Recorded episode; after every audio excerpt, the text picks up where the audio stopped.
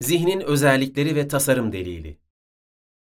Zihnin varlığından tasarım deliline ulaşmakta ilk yol zihni madde dışı bir cevher olarak değerlendirmekken, ikinci yol zihnin sahip olduğu özelliklerin tesadüflerle açıklanamayacağını, bilinçli, kudretli bir tasarımcının eseri olarak zihni görmemizin tek tutarlı yol olduğunu savunmaktır. Önceki başlıkta belirtildiği gibi zihnin ayrı bir cevherle alakalı olup olmadığı tartışmalıdır.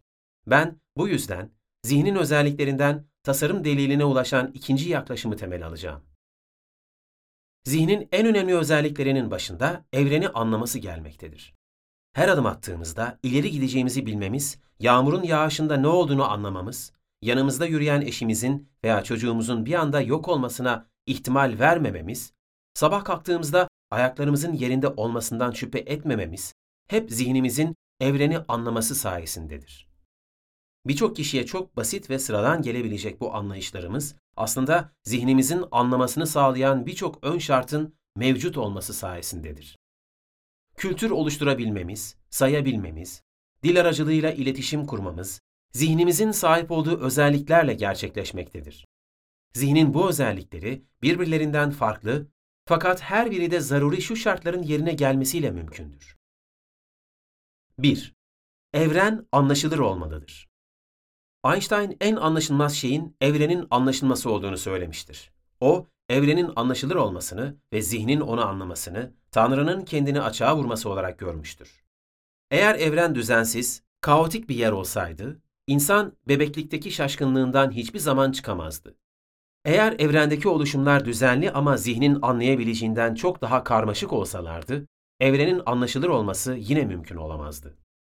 Sonuçta doğa yasalarının varlığı ve anlaşılmayacak kadar karmaşık olmamaları sayesinde evreni anlarız. Bu yasaların bu şekilde varlığı zihnin evreni anlayabilmesinin ön şartıdır. Yüksekten atılan eşyaların düşmesi gibi yerde duran eşyalar belirsiz bir şekilde uçsaydı, her sabah kalktığımızda yattığımızdan farklı bir mekanda uyansaydık, odada duran su bir anda kaynamaya, eşyalarımız bir anda yok olmaya başlasaydı, Kısacası hiçbir doğa yasasının olmadığı bir evrende yaşasaydık, zihnin ne dil gibi düşünmesini sağlayan bir aracı kullanması ne de toplumsallaşma mümkün olurdu. Sonuçta da zihnin evreni anlaması da söz konusu olamazdı. Birçok fizikçi evrenin anlaşılır olmasını ve evrenin matematik yasalara uygun olmasını ön kabul olarak almakta, bu olgunun da bir açıklama gerektirdiğini göz ardı etmektedirler. 2. Zihin doğuştan, a priori zaman ve mekan sezgilerine sahip olmalıdır. Kant'ın gösterdiği gibi zihin doğuştan a priori olarak zaman ve mekan sezgilerine sahiptir. Kant, uzay ve zaman sezgilerinin deneyden değil, akıldan geldiklerini ispatlamak için çeşitli deliller öne sürer. Küçük çocuklar mesafeler hakkında hiçbir fikre sahip olmadan hoşlarına gitmeyen şeylerden uzaklaşmak ve hoşlarına giden şeylere yaklaşmak isterler. Öyleyse bunların yanlarında, önlerinde, dışlarında olduğunu a priori olarak bilirler. Ayrıca çocuk dış dünyanın farkına varmadan önce ve sonra duygusuna sahiptir. Eğer olmasaydı dış dünyayı algılamaya başlayamaz, tüm algıları karma karışık olurdu. Uzay ve zamanı hesaba katmadan hiçbir şey idrak edemeyiz. Bu imkansızlık da bu sezgilerin dışarıdan gelmeden önce zihinde var olduklarını gösterir. Ayrıca aritmetik ve geometrinin hakikatlerinin hiçbir deneye başvurulmadan doğruluğunun bilinmesini de Kant, uzay ve zaman algılarının zihinde doğuştan a priori olarak olduklarının bir delili kabul eder. Eğer doğuştan bu sezgilere sahip olmasaydık, duyu organlarıyla gerçekleşen algılarımız kaotik bir karmaşa içinde olacak ve bir şey ifade etmeyecekti. Zihnin sahip olduğu bu a priori koşullarla ancak deneyim mümkündür. Zihnin sahip olduğu bu a priori koşulların genetikte aktarılması, DNA'nın içinde nükleik asitlerle kodlanmış olması gerekir. Hiç kimse zihnin bu özelliklere nasıl sahip olduğunun biyokimyasını gösteremediği gibi, genetik olarak bu özelliklerin nasıl aktarıldığı da gösterilememiştir. Fakat şurası kesindir. Zihin baştan hem tam zaman hem tam mekan algılarının ikisine birden sahip olmalıdır. Yarım mekan algısı, dörtte üç zaman algısı diye bir şey düşünülemez. Ayrıca zaman ve mekan algılarından biri diğerinin yokluğunda bir işe yaramaz. Zihinde bu iki a priori koşul tam ve beraber olmazsa Kant'ın gösterdiği gibi deneyim gerçekleşemez. Bu iki sezginin beraberce ve tam olarak doğuştan mevcut olmaları gerekir. Doğal seleksiyonun bu sezgilerin önce yüzde beşini koruduğunu, sonra biraz arttırdığını veya önce zaman sezgisini koruduğunu, sonra yanına mekan sezgisini eklediğini söyleyemeyiz. Doğal seleksiyonun canlılarda yüzde beşlik bir görmeyi koruduğu, bu özelliğe sahip olmayan canlıların elendiği iddia edilebilir. Fakat zaman sezgisinin yüzde beşi veya tek başına mekan sezgisi bir işe yaramayacağı için bu sezgilerin adım adım geliştiği ileri sürülemez. E. coli bakterisinin 4289 proteininin hareketini sağlayan kamçısını oluşturan 50 kadar proteinin sırf yerli yerinde olmasının olasılığının 10 üzeri 66'da 1 olduğunu hatırlayalım. Duyu algılarını içine alan ve adeta bir kap vazifesi gören ve onları düzenleyen zaman ve mekan algılarının sırf zihinde doğru konumda bulunmalarının olasılığının E. coli'nin kamçısındaki proteinlerin doğru yerinde bulunma olasılığından çok daha düşük olduğunu rahatlıkla tahmin edebiliriz. Bu tahminimiz radyo ve televizyonun iç yapılarını bilmeyen birinin televizyonun radyodan daha karmaşık olduğunu anlaması üzerine televizyonun parçalarının rastgele bir araya gelme olasılığının radyo parçalarının rastgele bir araya gelme olasılığından daha düşük olduğunu tahmin edebilmesine benzer. 3. Zihin, matematiksel olarak düşünebilecek yetenekte olmalıdır. Evrenin anlaşılır olması ancak zihindeki çeşitli yeteneklerle mümkündür.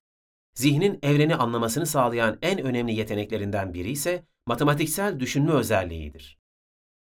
Daldan 5 domates koparan çiftçinin ikisiyle yemek yapınca kaç domates kalacağını bilmesinden, sabah koyunlarını götüren çobanın kaç koyunla dönmesi gerektiğini sayarak kontrol etmesinden, köprülerin, cep telefonlarının, yapay zekaların yapımına kadar insan zihni hep matematiği kullanır. İnsanın hayvanlara hükmetme ve dünyayı tüm canlılardan daha fazla değiştirebilme becerisinin altında yatan en önemli faktörlerden biri de insan zihninin matematiksel yeteneğidir. Arıların daha önce gördüğümüz petekle ilgili hesaplarında da müthiş bir matematiksel hesaplama mevcuttur. Fakat bu tip örnekleri insanın matematiksel düşünme ve düşünce aracılığıyla üretme, kontrol etme, hareket etme yeteneklerinden ayırt etmek gerekir. Arılardaki gibi matematiksel hesaplama ile ilgili özellikler bu hayvanların genlerinde doğuştan kodludur. Bu hayvanlar düşünerek bu özelliklere sahip olmazlar. Arılar, peteğin inşa edileceği en verilmiş şekil ve açıları hesap edecek matematiksel bir düşünme yeteneğine sahip değildirler. İnsan zihninin matematiksel düşünme yeteneği diğer tüm canlılara göre çok üst düzeydedir ve bu yeteneğin nasıl oluştuğu ile ilgili naturalist evrimci bir açıklama yapılamamaktadır.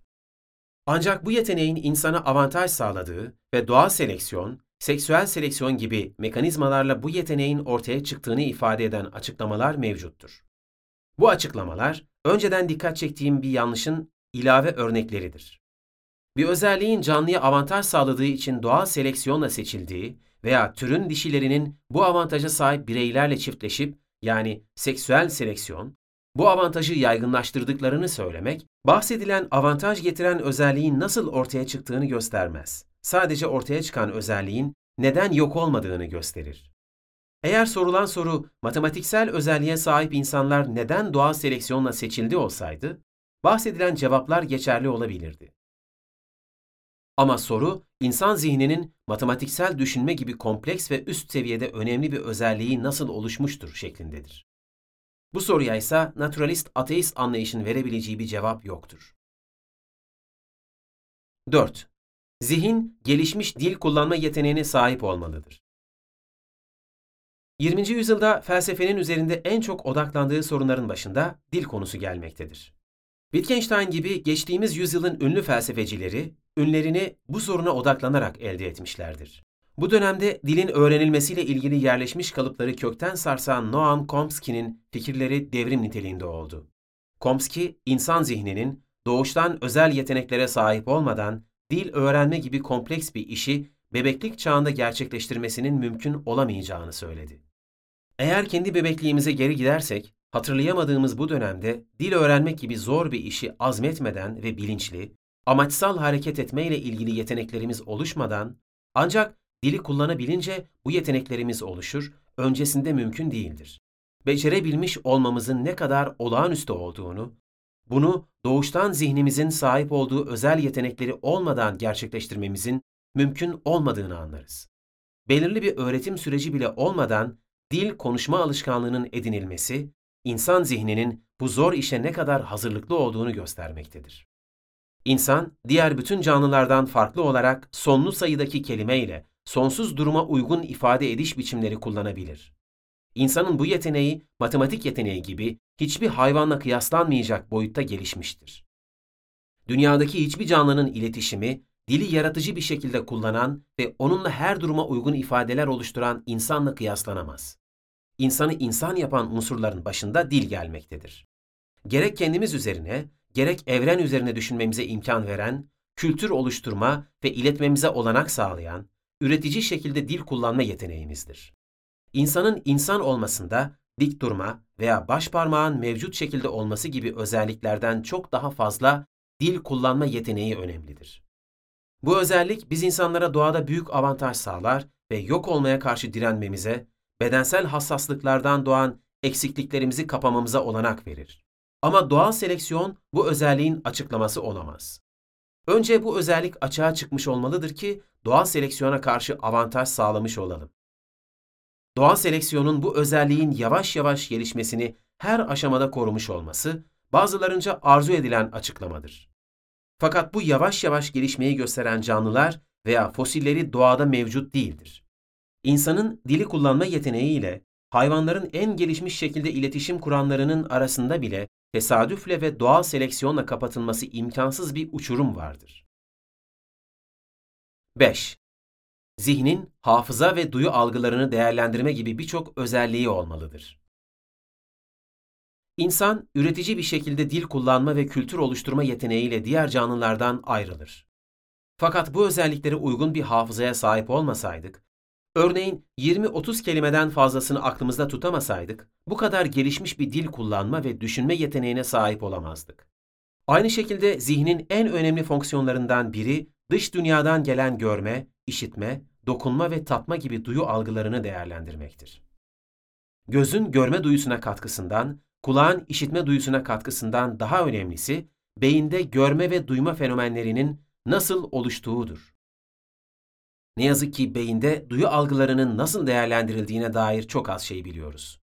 Fakat biliyoruz ki duyu verileri milyarlarca nöronlu ve trilyonlarca sinapslı beynimizde değerlendirilmeden zihnimiz mevcut yeteneklerine sahip olamazdı. Hayvanlar dünyasında birçok canlının gelişmiş hafıza yetenekleri olduğunu biliyoruz. Ayrıca insandan daha uzağa gören, daha keskin koku alma yeteneği olan, dokunma duyuları daha gelişmiş hayvanlar var. Bu yüzden bu maddede değindiğim zihin özelliklerinde matematiksel düşünme ve dil yeteneğinde olduğu gibi insanla diğer canlılar arasında uçurum olduğunu söylemiyorum. Bu özellikler insan zihninde insanın ihtiyaçlarına tam cevap verecek niteliktedir ve bunlar olmadan insan zihninin dış dünyayla kendini anlaması ve düşünmesi mümkün değildir. 6. Zihin bilinç özelliğine sahip olmalıdır. Bilincin buraya kadar sıralanan tüm zihin özelliklerinden hem daha farklı hem daha önemli olduğunu düşünüyorum. Elbette bilinç, zihnin doğuştan sahip olduğu özelliklerle, matematiksel ve mantıksal yeteneğiyle, dil yeteneğiyle, duyu algıları ve hafızayla ilişkilidir. Fakat bilinç, maddi süreçlere indirgenemediği gibi bahsedilen bu özelliklere de indirgenemez. O zaman bilinç, tüm bu özelliklerden farklı bir zihin özelliğidir ve şüphesiz zihin özellikleri içinde tartışılması en zor olan da odur. Bilinç sadece karmaşık zihinsel süreçlerde gözükmez. Aslında en basit zihinsel deneyim bile bilinçle ilgilidir. Ayağımızın altından gıdıklandığımızı düşünelim. Ayağımızın altına dokunulması, sinirlerin bu olayı beyne iletmesi gibi fiziksel olayların dışında bir de bilincinde olduğumuz bir gıdıklanma deneyimi vardır ki artık bunu hiçbir maddi süreçle açıklayamayız. Çok rahatlıkla bir robot yapıp ayağının altına dokunulduğunda kendisine kayıtlı gülme sesini dışarı yayınlamasını ve ayağını çekmesini programlayabiliriz. Fakat gıdıklanmanın bilincinde olmayla ilgili süreci maddi hiçbir forma sokamadığımız için bilgisayara gıdıklanmayı yaşatamayız. Böylesi basit bir deneyimimizde bile var olan bilinç, evreni anlayabilmemizi sağlayan en temel zihinsel faktördür. Evrenin ve zihnin bahsedilen tüm özellikleri ancak zihnin bilinç özelliğiyle buluştuğunda evreni anlamamız, o farkındalığa sahip olmamız gerçekleşir. Naturalist ateist bir yaklaşımla zihnin tüm bu özelliklerini açıklamak mümkün değildir. Bu özelliklerin matematik yeteneği ve dil kullanma yeteneği gibi olanlarında insanla diğer canlılar arasında büyük bir uçurum vardır. Doğal seleksiyona dayalı evrim teorisini ilk olarak ortaya koyan iki kişiden biri olan Wallace'ın vurguladığı gibi, doğal seleksiyonla insan zihnini açıklamak mümkün değildir. Zihinde gerekli özelliklerin hepsinin birden olmasının yanı sıra, evrenin de anlaşılır olması gerekmektedir ki zihin dış dünyayı anlayabilsin. Zihnin evreni anlaması, evrende ve zihinde bahsedilen özelliklerin olması ve evrenle zihin arasında uyumun sağlanması sayesinde mümkün olmuştur. Bunun en mantıklı açıklaması hem evreni, hem zihni, hem de ikisi arasında uyumu sağlayan bilinçli, kudretli bir gücün varlığı sayesinde bunun gerçekleştiğini söylemektir. Zihnin varlığı ve evreni anlayabilmesi için gerekli şartların oluşturulmuş olması, tasarım delilini destekleyen çok önemli, önceki başlıklarda dikkat çekilenlere ilave edilmesi gerekli bir fenomendir. Sonuçta insan zihninin ontolojik statüsü, insan zihninin altında olan maddeden tesadüfen oluştuğunu iddia eden naturalist ateist açıklamaya karşılık, ontolojik statüsü insanın üstünde bilinçli bir yaratıcı tarafından yaratıldığını ileri süren teist açıklama daha başarılıdır.